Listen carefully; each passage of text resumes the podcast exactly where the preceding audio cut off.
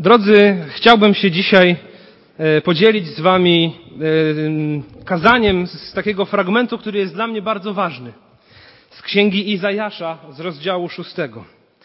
To jeden z moich ulubionych fragmentów biblijnych i pamiętam e, bardzo dobrze kazanie, które usłyszałem po raz pierwszy z tego fragmentu.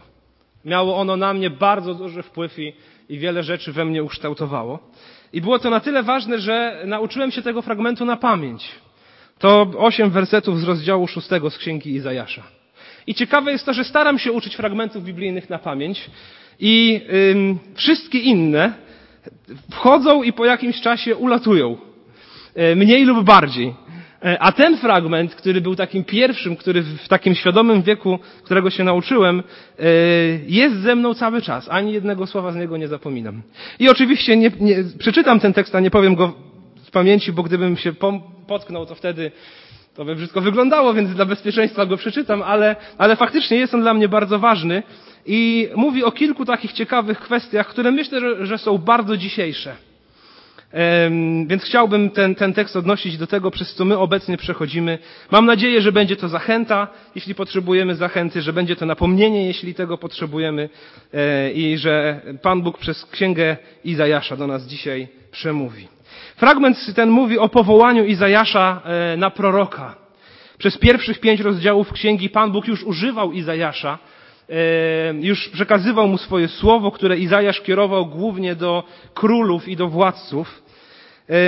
Ale w szóstym rozdziale jest takie szczególne go powołanie do, do nie takiej służby, jaką pełnili inni prorocy w Starym Testamencie, ale służby szczególnej, e, z taką wielką wartością, gdzie Izajasz zapowiada, wzywał naród i rządzących do, do nawrócenia i zapowiadał, że jeśli się nie nawrócą, to przyjdzie imperium asyryjskie, później babilońskie, którzy, którzy ich zabiorą na swoje ziemię i to będzie e, sąd Boży. I księga Izajasza też bardzo dużo mówi o Mesjaszu, o Zbawicielu. Czytałem ją e, w wakacje w całości e, i miałem wrażenie, że im dalej szedłem, kolejne rozdziały poznawałem, to miałem wrażenie, że to jest wręcz piąta Ewangelia. Tak dużo tutaj jest o Jezusie Chrystusie. Więc zachęcam Was do czytania Księgi Izajasza, a dzisiaj przeczytamy rozdział szósty, wersety od pierwszego do ósmego. W roku śmierci króla Uzjasza widziałem Pana siedzącego na tronie wysokim i wyniosłym, a kraj jego szaty wypełniał świątynię. Jego orszak stanowiły serafy, z których każdy miał po sześć skrzydeł, dwoma zakrywał swoją twarz, dwoma zakrywał swoje nogi i na dwóch latał. I wołał jeden do drugiego, święty, święty, święty jest Pan zastępów, pełna jest wszystka ziemia chwały Jego. I zatrzęsły się progi w posadach od tego potężnego głosu, a przybytek napełnił się dymem. I rzekłem, biada mi, zginąłem, bo jestem człowiekiem nieczystych warg i mieszkam pośród ludu nieczystych warg, gdyż moje oczy widziały króla Pana zastępów. Wtedy przyleciał do mnie jeden z serafów, mając w ręku rozżarzony węgielek, który szczypcami wziął z ołtarza i dotknął moich ust i rzekł, oto dotknęło to twoich warg i usunięta jest twoja wina, a twój grzech odpuszczony. Potem usłyszałem głos Pana, który rzekł, kogo poślę i kto tam pójdzie? Wtedy odpowiedziałem, oto jestem, poślij mnie. Dziesięć myśli z tego fragmentu. Będzie to kazanie dziesięciopunktowe. I to może jest przerażające, bo porządne baptystyczne kazanie jest trzypunktowe, no ale to będzie dziesięciopunktowe. To będą krótkie punkty, także, także nie bójcie się, to nie będą trzy kazania w jednym. Y, myślę, że wszystkie one wynikają bezpośrednio z tego tekstu, więc, więc dosyć płynnie będziemy mogli przejść przez tych dziesięć punktów. Werset pierwszy mówi, w roku śmierci króla Uzjasza widziałem Pana. Po pierwsze, Bóg żyje. Bóg żyje. Uzjasz umarł, ale Bóg żyje. O Uzjaszu mówi m.in. 26 rozdział drugiej księgi Kronik. Był to jeden z najlepszych królów, którzy zasiadali na tronie Judy. Przez większość swego czasu był bardzo bogobojny, a w jego czasach królestwo Judy prosperowało. Niektórzy historycy mówią, że po Dawidzie i Salomonie e, to był najlepszy z królów judzkich. On odbudował granice Judy, on mm, zaprowadzał ten Boży porządek, niszczył to, co bałwochwalcze E, on sprawił, że królestwo prosperowało, zadbał też o sytuację finansową. Ludziom dobrze się powodziło za czasów króla Uzjasza. Niestety w swej nadgorliwości on też spoufalił się z Bożą świętością e, i wszedł do świątyni i tam sam złożył ofiarę Bogu na ołtarzu. To było niedopuszczalne. Ofiary mogli składać tylko kapłani. W związku z tym od razu, gdy on złożył tę ofiarę, na jego czole pojawił się trąd.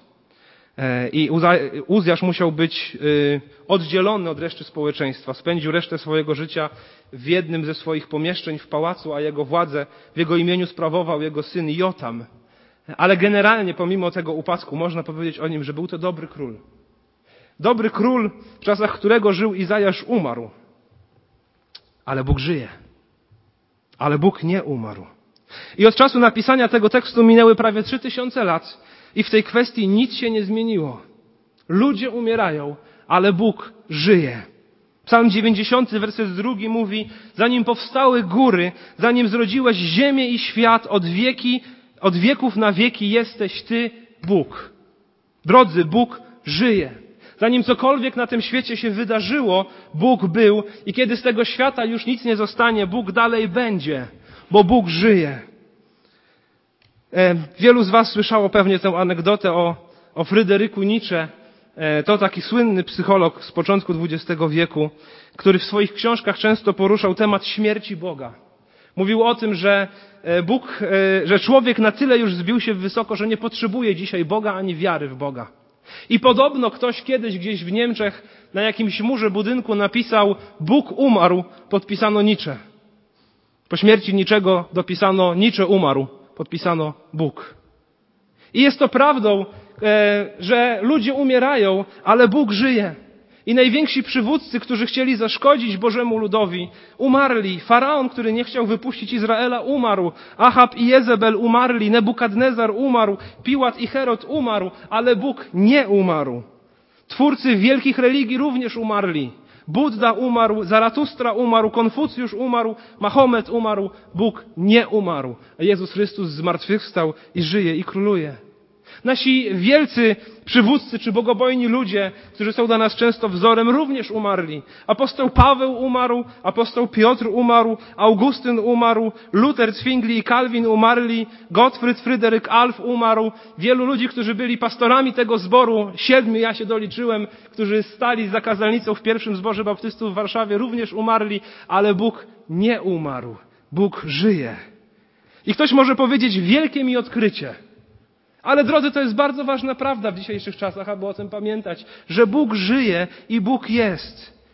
Tak samo jak był w momencie stworzenia tego świata, tak samo jak był w momencie stworzenia naszej cywilizacji, tak samo jak był w momencie tego, gdy powstało nasze państwo, czy gdy zostało założone nasze miasto, Bóg był i dalej Bóg będzie, gdy z tego wszystkiego nic już nie zostanie.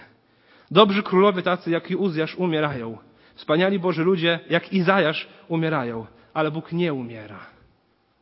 Bóg nie umiera. I myślę, że to jest ważne, aby też zwrócić na to uwagę, drodzy, bo wyjątkowo boli mnie w ostatnim czasie, że chrześcijanie naprawdę dali się uwiązać w spory polityczne. Mówiłem o tym przy okazji wyborów prezydenckich, że jeśli chodzi o prowadzenie sporów politycznych i spieranie się i sprzyjanie konkretnym politykom czy partiom, to chrześcijanie w zasadzie przestali się odróżniać od niechrześcijan w tej kwestii. Drodzy, Możemy sprzyjać różnym poglądom, możemy sprzyjać różnym partiom, różnym politykom, ale pamiętajmy o tym, że, to wszyscy, że oni wszyscy umrą, że po nich przyjdą kolejni, być może lepsi, być może gorsi, ale umrą. Natomiast Bóg żyje. I tak bardzo jakoś ym, przejmujemy się nasz, losami naszej tej ziemskiej ojczyzny i słusznie powinniśmy o nią się modlić. Oczywiście, że tak. Ale czy my chociaż w takim samym stopniu troszczymy się o niebiańską ojczyznę? Bo mówimy, że my nie jesteśmy z tego świata, ale tak bardzo nas ten świat wciąga. Oczywiście wierzę w to, że mamy być zaangażowani, mamy modlić się o władzę, ma, możemy wybierać, możemy decydować, możemy mieć różne poglądy, ale uważajmy na to, aby nie zniszczyć jedności i miłości między nami jako chrześcijanami. Król Uzjasz umarł, żyje. Po drugie, w roku śmierci króla Uzjasza widziałem Pana siedzącego na tronie. Bóg żyje i Bóg króluje. Bóg nie jest Bogiem, który się chowa, nie jest Bogiem schowanym gdzieś za chmurami, które mu coś zasłaniają. Bóg siedzi na tronie i włada i rządzi. I jest taka piosenka, którą uczymy nasze dzieci. On trzyma całą ziemię w ręku swym. Znacie? On trzyma całą ziemię w ręku swym, on trzyma całą ziemię w ręku swym, on trzyma wszystko w ręku swym. Uczymy tego nasze dzieci, ale mam wrażenie, że czasami sami o tym zapominamy. Czy faktycznie wierzymy w to, że On trzyma całą, ręk, całą ziemię w ręku swym? Czy wierzymy w to, że Bóg siedzi na tronie? Jak powiedział Abraham Kuyper, holenderski teolog protestancki i też premier tego kraju około 100 lat temu, powiedział on, nie ma centymetra kwadratowego w tym wszechświecie, nad którym Bóg nie mógłby powiedzieć, to należy do mnie. Albo, mówiąc to w sposób pozytywny, nad każdym centymetrem we wszechświecie Bóg może powiedzieć, to należy do mnie. Nie ma gwiazdy i planety oddalonej tak daleko, by Bóg nie mógł powiedzieć nad tym, to należy do mnie. Od najmniejszego atomu po układy planetarne. Bóg to stworzył i Bóg tym włada. On jest Bogiem panującym, Bogiem, który ma autorytet, jest Bogiem, któremu wszystko jest poddane. Myślę, że warto o tym pamiętać, szczególnie wtedy, kiedy po świecie panoszy się jakaś nowa choroba, nad którą nie umiemy, z którą nie umiemy zbyt wiele zrobić. To wierzę, że nad tą pandemią również Pan Bóg włada. Bóg żyje, po pierwsze. Po drugie, Bóg króluje. Po trzecie, w roku śmierci króla Uzjasza widziałem Pana siedzącego na tronie wysokim i wyniosłym. Boży tron nie jest jednym z wielu tronów. Nie ma nikogo wyższego niż Bóg. Siedzi on na tronie wysokim i podniesionym, wysokim i wyniosłym. Wielu władców tego świata nosiło przydomek wielki, ale nikt z nich w żaden sposób nie dorównuje Bogu. Słyszeliśmy o takim człowieku jak Aleksander Wielki. Niektórzy historycy mówią, że miał największe imperium na świecie. Cóż o nim dzisiaj wiemy? Oprócz tego, że nazywał się Aleksander Wielki, pochodził z Macedonii i kilku faktów z jego życia. Niewiele. W naszej polskiej historii mieliśmy kiedyś Kazimierza Wielkiego. Cóż o nim wiemy? No wiemy to, że zostawił, zastał Polskę drewnianą, zostawił murowaną i że chyba najlepiej wiemy to, że można go znaleźć na banknocie 50-złotowym. Ale raczej niewiele więcej niż to, chociaż nazywa się Wielki. Drodzy, Boży tron jest wysoki i podniesiony i żaden tron, nawet tych ziemskich, którzy nazywają się wielkimi, nie może się równać z Bożym tronem. Bóg nie jest taki jak ci wszyscy inni. Jego tron jest wysoki i podniesiony. I znowu czasami mam wrażenie, że o tym jednak zapominamy. Czasami można spotkać się z takim poglądem, jakoby nasz świat był areną walki między siłami Jezusa a siłami szatana i są to dwie siły, które nawzajem siebie zwalczają. Jest w tym troszkę prawdy, ale myślę, że nie do końca. Bo szatan owszem działa, ale nie działa on poza Bożą wiedzą. On krąży jak lew ryczący i, i patrzy na to, kogo można by porwać. Ale list do Kolosan mówi nam o tym, że przecież Jezus rozbroił na krzyżu nadziemskie władze i zwierzchności. Rozbroił. Więc powiedziałbym, że on jest jak lew, który ma powyrywane zęby. On owszem jest groźny, ale jego działanie w żaden sposób nie rywalizuje z Bożym działaniem. On nie może się z nim równać. Myślę, że Bóg pozwala mu funkcjonować czy, czy, czy żyć, e, bo w tym również w jakiś sposób, e, on również w jakiś sposób realizuje Bożą wolę, a ostatecznie zostanie pokonany, gdy Chrystus powróci. To nie jest równa walka. Szatan nie jest jakimś partyzantem, który się ukrył w lesie przed Chrystusem. To tak nie działa. Apostoł Paweł mówi na przykład o tym w drugim liście do Koryntian, że w jego ciało został wbity cierń. Pamiętacie? Mówi, prawdopodobnie opisuje jakąś chorobę. I mówi, został mi wbity cierń, jakby posłaniec szatana. Więc to on widzi za tym szatańskie działanie. Ale jaki jest tego efekt? On mówi, został mi ten cierń dany, abym się zbytnio nie wynosił. Prowadzi go to do pokory. I dalej mówi, trzy razy prosiłem Pana, aby ode mnie ten cierń odstąpił, ale Pan mi powiedział, dosyć masz, gdy masz łaskę moją. Więc nawet to złe działanie, które e, Paweł dostrzegał w swoim życiu, jako diabelskie, ostatecznie miało prowadzić do dobrego i widział, że za tym również jakoś stoi Pan Bóg. Czy zdajemy sobie z tego sprawę, że tu nie ma żadnej rywalizacji, że gdyby Pan Bóg zechciał, to jeszcze dzisiaj zniszczyłby szatana i, e, i jego sprzymierzeńców? ale w jakiś sposób decyduje się, aby oni jeszcze mogli funkcjonować i wierzę, że za tym ostatecznie to również doprowadzi do Bożej chwały. Więc Bóg żyje, Bóg króluje, nikt nie może się z Bogiem równać. Po czwarte, Bóg jest zachwycający albo olśniewający. Końcówka wersetu pierwszego. A kraj jego szaty wypełniał świątynię. I dalej czytamy o serafach, o Bożej chwale i o tym, że cała ziemia zaczęła się trząść i przybytek napełnił się dymem. Ile tam było Bożej chwały, ile się objawiło Izajaszowi? Tylko kraj jego szaty. Tylko odrobina. Tylko mały kawałeczek, a jakie poważne były z tym związane konsekwencje. Drodzy, nasz Bóg jest Bogiem olśniewającym. Nasz Bóg jest Bogiem zachwycającym, jest Bogiem dostojnym, wzniosłym. Tylko kraj Jego szaty powoduje e, tak niezwykłe konsekwencje, kiedy On pojawia się tutaj na świecie. Mojżesz, kiedy e, poprosił Boga o to, aby móc zobaczyć Jego chwałę, Pan Bóg powiedział, że zasłoni mu twarz i, i pokaże mu tylko tył swojej chwały. Pamiętacie, co później się działo, kiedy Mojżesz rozmawiał z Bogiem i schodził, na, schodził z góry? Musiał nosić zasłonę na twarzy, bo tak bardzo ona jaśniała od Bożego blasku. I nie dało się z nim rozmawiać bez tej zasłony, nie dało się na niego patrzeć. Boża chwała przemienia człowieka. Bóg jest olśniewający i zachwycający. I to tutaj e, widzimy również w tym tekście. Po piąte, werset drugi. Jego orszak stanowiły serafy, z których każdy miał po sześć skrzydeł. Dwoma zakrywał swoją twarz, dwoma zakrywał swoje nogi, a na dwóch latał. Więc po piąte, Bóg ma potężne sługi. I żyjemy w takim świecie, który jest bardzo materialistyczny, bardzo naturalistyczny, który próbuje wykluczyć wszystko to, co nadprzyrodzone.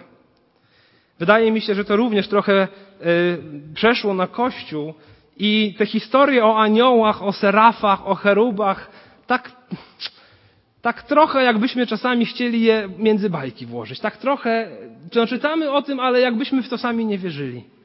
A jednak Pismo Święte w wielu miejscach bardzo wyraźnie o tym mówi, że Pan Bóg ma potężne, nadprzyrodzone sługi ponad tylko to, co ziemskie i to, co widoczne. I widzimy, że te sługi są niezwykłe, ci, ci serafowie tutaj. To nie są rubensowskie aniołki, Rubens, pewnie widzieliście wiele jego obrazów. Czasami, kiedy marował jakieś religijne obrazy, tam rysował anioły jako takie, takie grube dzieci w pieluchach z małymi skrzydełkami. To to nie jest obraz rubensowski. Widzimy tutaj potężne serafy, które mają po sześć skrzydeł i w swojej potędze, e, kiedy zaczynają wołać do siebie nawzajem, oddając Bogu cześć, święty, święty, święty jest Pan zastępów, to czytamy, zatrzęsły się progi w posadach od tego potężnego głosu. To są Boży aniołowie, to są Boże sługi, to są Boży serafowie. Wspaniałe, dostojne, a jednocześnie przed Bogiem stające w pełnej pokorze. Zakrywające swoją twarz, wiedzące, że nie mogą na Niego patrzeć, chociaż są potężni, nie mogą patrzeć na Bożą świętość. Zakrywające swoje stopy. Niektórzy bibliści mówią, że to jest odznaka e, poczucia niegodności czy wstydu. Na dwóch latają. Więc Boga nie otaczają kucyki, wróbelki, motylki, ale potężne serafy, które oddają Jemu chwałę. Po szóste, Bóg jest święty. Czyli Bóg żyje, Bóg króluje, Bóg włada, nikt nie może się z Nim równać, Bóg ma potężne sługi i Bóg jest święty. I wołali jeden do drugiego, święty, święty, święty jest Pan zastępów. Pełna jest wszystka ziemia chwały Jego. To jest ich forma uwielbienia. To właśnie to oni śpiewają o Bogu. Święty, święty, święty. I święty oznacza oddzielony. Tak jakby ktoś kroił marchewkę i ukroił kawałek i nożem ją odsunął od reszty. To to oznacza dosłownie święty, odcięty i oddzielony. Nie oznacza to jedynie bezgrzeszny, chociaż chyba zazwyczaj tak nam się kojarzy. Mówi o czymś znacznie więcej. Mówi o tym, że Boga nie da się do niczego przyrównać. Że On jest oddzielony od nas. To trochę, myślę, że można by to pokazać w następujący sposób. Około 17 atrybutów opisanych jest w Piśmie Świętym, atrybutów Bożych. Niektóre atrybuty, chociaż są Boże, to w bardzo małym stopniu również objawiają się w człowieku. Na przykład mówimy o tym, że Bóg jest wszechwiedzący, czyli wie, wie wszystko. Człowiek jest jest troszkę wiedzący, nie wszechwiedzący. Bóg wie wszystko, a my wiemy odrobinę. Albo moglibyśmy o Bogu powiedzieć, że jest miłosierny. I miłosierdzie Boże e, w Bogu ma, jest jakby to miłosierdzie w najwyższej swojej jakości. Ale o ludziach też możemy powiedzieć, że oni przejawiają miłosierdzie. Natomiast świętość Boża jest unikatową cechą tylko Jego. Bóg jest święty, ale człowiek sam z siebie w żaden sposób tego Bożego atrybutu nie potrafi w swoim życiu odzwierciedlić. To właśnie sprawia, że Bóg jest oddzielony. Jest On najdoskonalszy, jest najwspanialszy, jest najczystszy, jest bezgrzeszny, jest święty. I to właśnie wyśpiewują i wołają do siebie nawzajem serafy. Stały zachwyt nad Bożą doskonałością, świetnością i świętością. Chociaż same są potężne, to, to widzimy, jak bardzo są uniżone wobec Bożej świętości. Taki jest nasz Bóg. Po siódme, Bóg objawia się w swoim stworzeniu. Chociaż jest on oddzielony, to nie jest on zupełnie zakryty. Cała ziemia jest pełna Jego chwały. Chociaż jest święty, święty, święty, to Pan Bóg chce dać się poznać człowiekowi. I cię serafy mówią, cała ziemia jest pełna Jego chwały. Mam takie hobby od jakiegoś czasu, że jeśli jest to możliwe, przynajmniej raz, czasami dwa razy w miesiącu, jeżdżę do Puszczy Kampinowskiej. I wybieram sobie jakiś szlak turystyczny, którym chcę przejść dzień wcześniej. Zabieram sobie termos z herbatą, jak jest zimno. Zabieram sobie Nowy Testament i psalmy, coś do jedzenia. Jadę sobie samochodem na skraj puszczy, wchodzę do środka i sobie idę na spacer. Taki kilkunastokilometrowy. I wczoraj byłem e, również na takim spacerze. Każdy taki spacer bardzo mnie odpręża, ale każdy taki spacer jest dla mnie naprawdę kilkoma godzinami uwielbienia Boga. Po prostu idę przez to piękne Boże stworzenie i zachwycam się tym, że prawdziwie Bóg objawia się w swoim stworzeniu i cała ziemia jest pełna Jego chwały.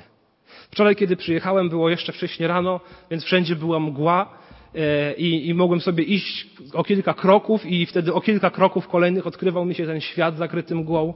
Kiedy ona zaczęła ustępować, robiło się trochę cieplej, mogłem zobaczyć coraz więcej i piękno tych kolorów tamtej w Puszczy Kampinowskiej, i żółte, i czerwone, niektóre jeszcze zielone, i czasami zawiał taki lekki wiatr i te, te liście w takim deszczu jakby zaczęły opadać, słońce przybijające się E, tam z kanał, który, który przepływa przez Puszczę Kampinowską i małe jakieś stworzenia, które tam w tym kanale się poruszały. I chociaż większość ptaków odleciała, to jeśli było się cicho, można było usłyszeć jeszcze ćwierkanie niektórych tych ptaków, które zostają na zimę. Absolutnie niesamowite doświadczenie. Bóg objawia się w swoim stworzeniu. Zachęcam każdego z Was, jeśli przechodzicie przez trudny czas w swoim życiu i, tak mówiąc trochę kolokwialnie, nie czujecie Bożej obecności w swoim życiu, pojedźcie na spacer. Do lasu, do kampinosu, do jakiegoś porządnego parku, gdziekolwiek, ale pojedźcie na spacer i po prostu wyłączcie swój telefon i idźcie e, przed siebie. Jest to niesamowite. Jedyne, co się chce robić, to, to chce się modlić. Jakoś tak, jak idę, to co mam robić? No to idę i się modlę, no.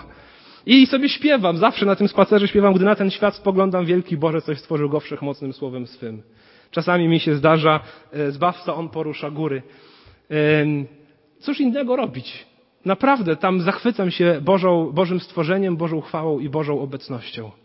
Idę, rozmyślam, modlę się, coś sobie pośpiewam pod nosem, idę, rozmyślam, modlę się i tak dalej, i tak dalej. Naprawdę godziny spędzone na uwielbieniu Boga. Bóg objawia się w swoim stworzeniu. Chociaż jest święty i oddzielony, On jest tym Bogiem, który chce dać się poznać każdemu człowiekowi. Po ósme, wersety 4 do 6. Gdy Boża doskonałość styka się z ziemską niedoskonałością, to świat drży w posadach. I zatrzęsły się progi w posadach od tego potężnego głosu, a przybytek napełnił się dymem. I rzekłem, biada mi, zginąłem, bo jestem człowiekiem nieczystych warg i mieszkam pośród ludu nieczystych warg, gdyż moje oczy widziały króla, Pana zastępów. Izajasz, kiedy zobaczył Pana, był w świątyni.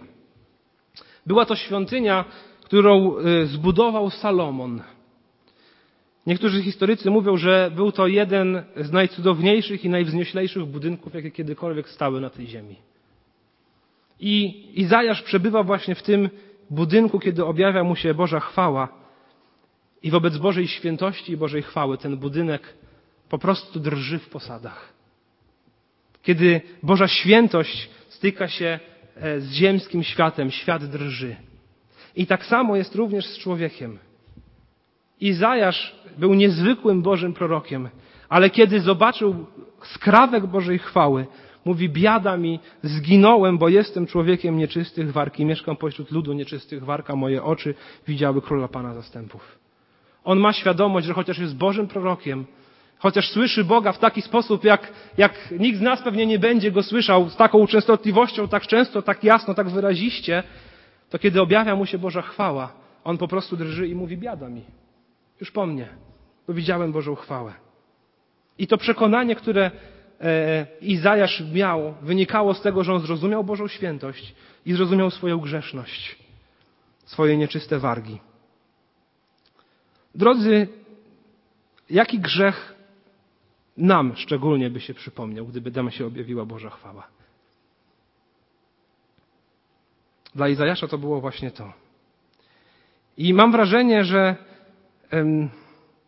że, te, ten, że te grzechy związane z ustami, z językiem jakoś dzisiaj stały się bardzo powszechne. Dzisiaj nawet ciężko wyjść na spacer e, i nie usłyszeć od ludzi, których mijamy na ulicy przekleństwa. Wulgarności. Bardzo, bardzo powszechne stało się używanie wulgaryzmów w naszym narodzie. Zupełnie tego nie rozumiem. Nawet jeśli popatrzeć na te ostatnie protesty, to ich główne hasła przecież były związane ze strasznymi wulgaryzmami. Cóż to się wydarzyło z nami? Bo jeśli społeczeństwo ma z czymś problem, to oznacza, że Kościół też będzie miał z tym problem. Jak jest z czystością naszej mowy? Czy my dbamy o to, aby być ludźmi czystych warg? Jakub napisał w trzecim rozdziale swojego listu od wersetu piątego następujące słowa. Tak samo i język jest małym członkiem, lecz pyszni się z wielkich rzeczy. Jakże wielki las zapala mały ogień. I język jest ogniem. Język jest wśród na, naszych członków swoistym światem nieprawości. Kala on całe ciało i rozpala bieg życia, sam będąc rozpalony przez piekło. Bo wszelki rodzaj dzikich zwierząt i ptaków, płazów i stworzeń morskich może być ujarzmiony i został ujarzmiony przez rodzaj ludzki. Natomiast nikt z ludzi nie może ujarzmić języka, tego krnąbrnego zła pełnego śmiercionośnego jadu.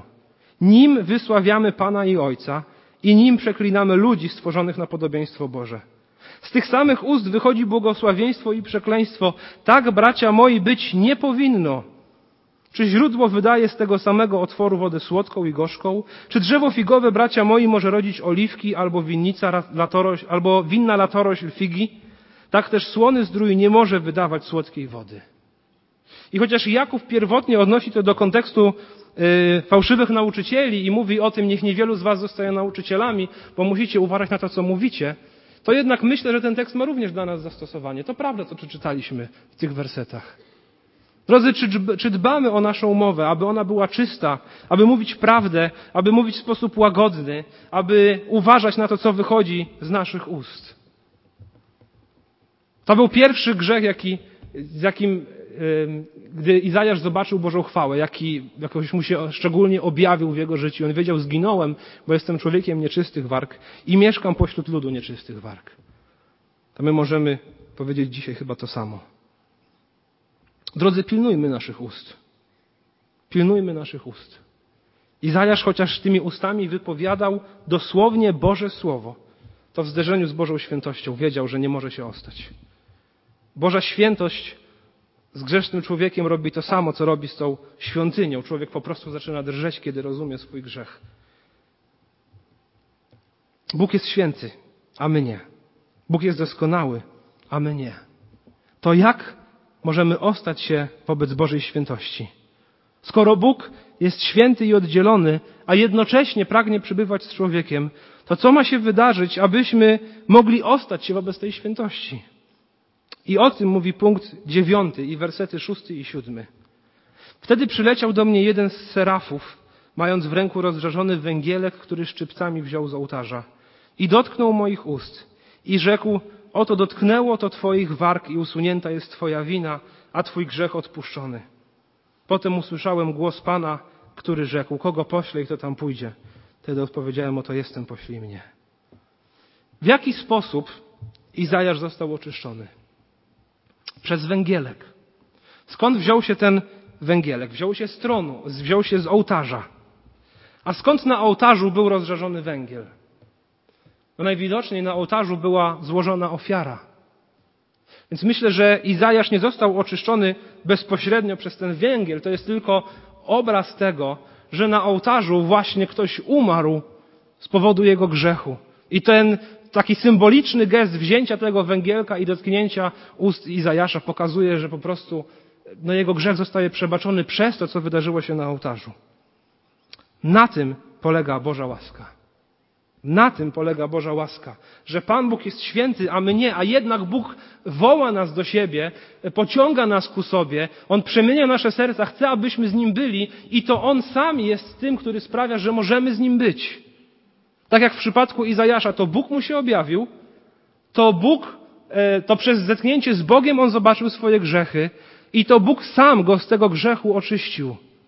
W Starym Testamencie działało to tak, jeśli chodziło o ofiarę która miała przebaczyć grzechy, że należało zakupić doskonałego baranka albo wychować, wyhodować doskonałego baranka, przyjść z nim do świątyni i człowiek, który zgrzeszył w swoim imieniu i imieniu swojej rodziny, a kapłan w imieniu narodu, kładł ręce na tego baranka i wyznawał grzechy Bogu, w pewien sposób transferował swoje grzechy na tego baranka, a następnie ten baranek był zabijany i spalany na ołtarzu jako ofiara dla Boga. W jaki sposób Bóg nam przebacza grzechy? Przebacza nam je poprzez krzyż. I przez to, że Jezus Chrystus przyszedł na świat jako baranek Boży. Po pierwsze, kiedy przyszedł na świat, Bóg prawdziwie nam się objawił w Chrystusie. Zobaczyliśmy Jego chwałę. Zobaczyliśmy, jaki naprawdę jest Bóg. Tak jak objawił się Izajaszowi przez skrawek szaty, tak nam Bóg objawił się w Chrystusie. Tak nam Bóg objawia się w stworzeniu. Tak nam Bóg objawia się również w codzienności, kiedy widzimy Jego działanie. Ale najdoskonalej objawił się w Jezusie. I ten Jezus, który żył bezgrzesznym życiem, stał się barankiem Bożym. I chociaż nigdy nie zgrzeszył, był doskonały, to poszedł na krzyż i w drugim liście do Koryntian 5:21 czytamy, że Bóg tego, który nie znał grzechu, czyli Jezusa, za nas grzechem uczynił, abyśmy w nim stali się sprawiedliwością Bożą. I na krzyżu nasze grzechy, używając tego kolokwializmu, zostały przetransferowane na Chrystusa. On został uczyniony grzechem i poniósł tę karę, którą powinien ponieść każdy grzesznik, który nie jest z Bogiem pojednany. On ją poniósł, abyśmy my nie musieli jej ponosić, aby nam Bóg mógł przebaczyć. I każdy, kto uwierzy Jezusowi Chrystusowi, zawoła do Niego, poprosi Go o łaskę, będzie zbawiony. Kto w sercu swoim uwierzy, a ustami swoimi wyzna, będzie zbawiony. Będzie oczyszczony ze swojego grzechu, tak jak oczyszczony został Izajasz. Przez to, co wydarzyło się na ołtarzu w świątyni, przez to, co wydarzyło się na krzyżu na Golgocie dwa tysiące lat temu. Bóg oczyszcza nas z grzechu. I ostatni punkt, dziesiąty. W związku z tym Bóg oczekuje od nas życia dla Jego chwały, pełnienia Jego woli. Werset ósmy. Potem usłyszałem głos Pana, który rzekł, kogo poślę i kto tam pójdzie. Bóg chce posłać kogoś do swojego narodu, do Judy i do Izraela. Chce, aby ktoś tam poszedł i objawił im Bożą wolę i zawrócił ich ze złej drogi i wskazał im prawdziwą Bożą drogę. Kogoś, kto przekaże im Jego słowo. Więc mówi, kogo ja tam poślę? I Izajasz mówi, oto jestem, poślij mnie. Oto jestem, poślij mnie. Życie Izajasza będzie bardzo trudne. Tradycja żydowska mówi, że Izajasz został przerżnięty piłą. Tak zginął.